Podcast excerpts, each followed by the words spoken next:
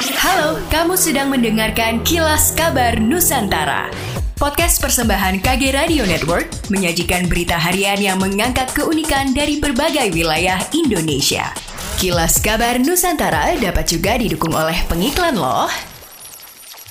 Kabupaten Aceh Singkil memiliki destinasi wisata alam berupa hutan rawa Lai Trip di kawasan Singkil. Hutan rawa tersebut dihuni flora dan fauna langka, seperti bunga vanda hokeriana, orang utan, dan beruang. Banyaknya hewan liar yang bisa dinikmati dengan mata telanjang dari jarak dekat menjadi daya tarik wisatawan Eropa yang suka berpetualang ke hutan rawa Trup. Apalagi letih berpetualang kaki bisa dimasukkan ke sungai yang membelah hutan untuk menikmati gigitan ikan kecil. Belum lagi lele segar menjadi santapan istimewa saat berada di rawa Singkil. Sayangnya, kini sudah dua tahun wisatawan Eropa tidak lagi datang berwisata ke hutan Rawalai Trip akibat pandemi COVID-19. Kondisi itu membuat pelaku wisata yang biasa menjadi pemandu kehilangan mata pencarian. Puka Dragon, pemandu wisata ke Rawa Singkil berharap wisatawan asing bisa segera masuk ke Kabupaten Aceh Singkil sehingga perekonomian pelaku wisata bisa segera pulih. Sobat Medio, yuk ngobrol bareng Wisnu Nugroho, pemimpin redaksi Kompas.com sekaligus host dari podcast Beginu. Kita bakal ngobrolin tentang apa saja sih hal seru yang terjadi di belakang layar podcast beginu. Makanya jangan sampai ketinggalan dan catat agendanya. Di hari Rabu tanggal 2 Februari 2022 pukul setengah 7 malam live di Instagram at Medio by KG Media dan at Beginu.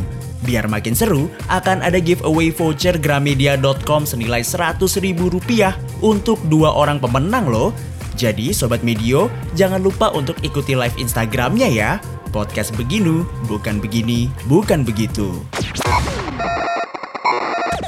PT Transjakarta resmi meluncurkan 6 angkot Mikrotrans dengan fasilitas air conditioner atau AC. Armada Mikrotrans tersebut akan dilengkapi dengan beragam fasilitas seperti running text yang menampilkan rute informasi, pintu sliding otomatis, TV widescreen, kamera CCTV, palu pemecah kaca, dan juga kursi penumpang yang dibuat lebih nyaman. PLT Kepala Divisi Sekretaris dan Humas PT Transjakarta, Angelina Beatrice mengatakan, kehadiran 6 angkot mewah tersebut sebagai pencanangan untuk peluncuran lebih banyak lagi angkot sejenis di kemudian hari. Angelina Menyebut untuk rute operasi masih dalam kajian. Saat ini pihaknya masih fokus pada wilayah terintegrasi stasiun dan rute-rute baru yang belum terlayani oleh Mikrotrans. Ke depannya akan ada sebanyak 60 unit armada ditargetkan bisa melayani masyarakat dalam waktu dekat. Hingga saat ini kasus COVID-19 varian Omikron di DKI Jakarta sudah mencapai 2.525 kasus. Peningkatan kasus khususnya dari transmisi lokal kian diwaspadai. Ahli epidemiologi meminta DKI Jakarta meningkatkan deteksi kasus, memperkuat memperkuat 3T serta mempercepat vaksinasi. Wakil Gubernur DKI Jakarta Ahmad Riza Patria menyatakan kasus Omikron di Jakarta dalam dua hari ini ada di angka 2.525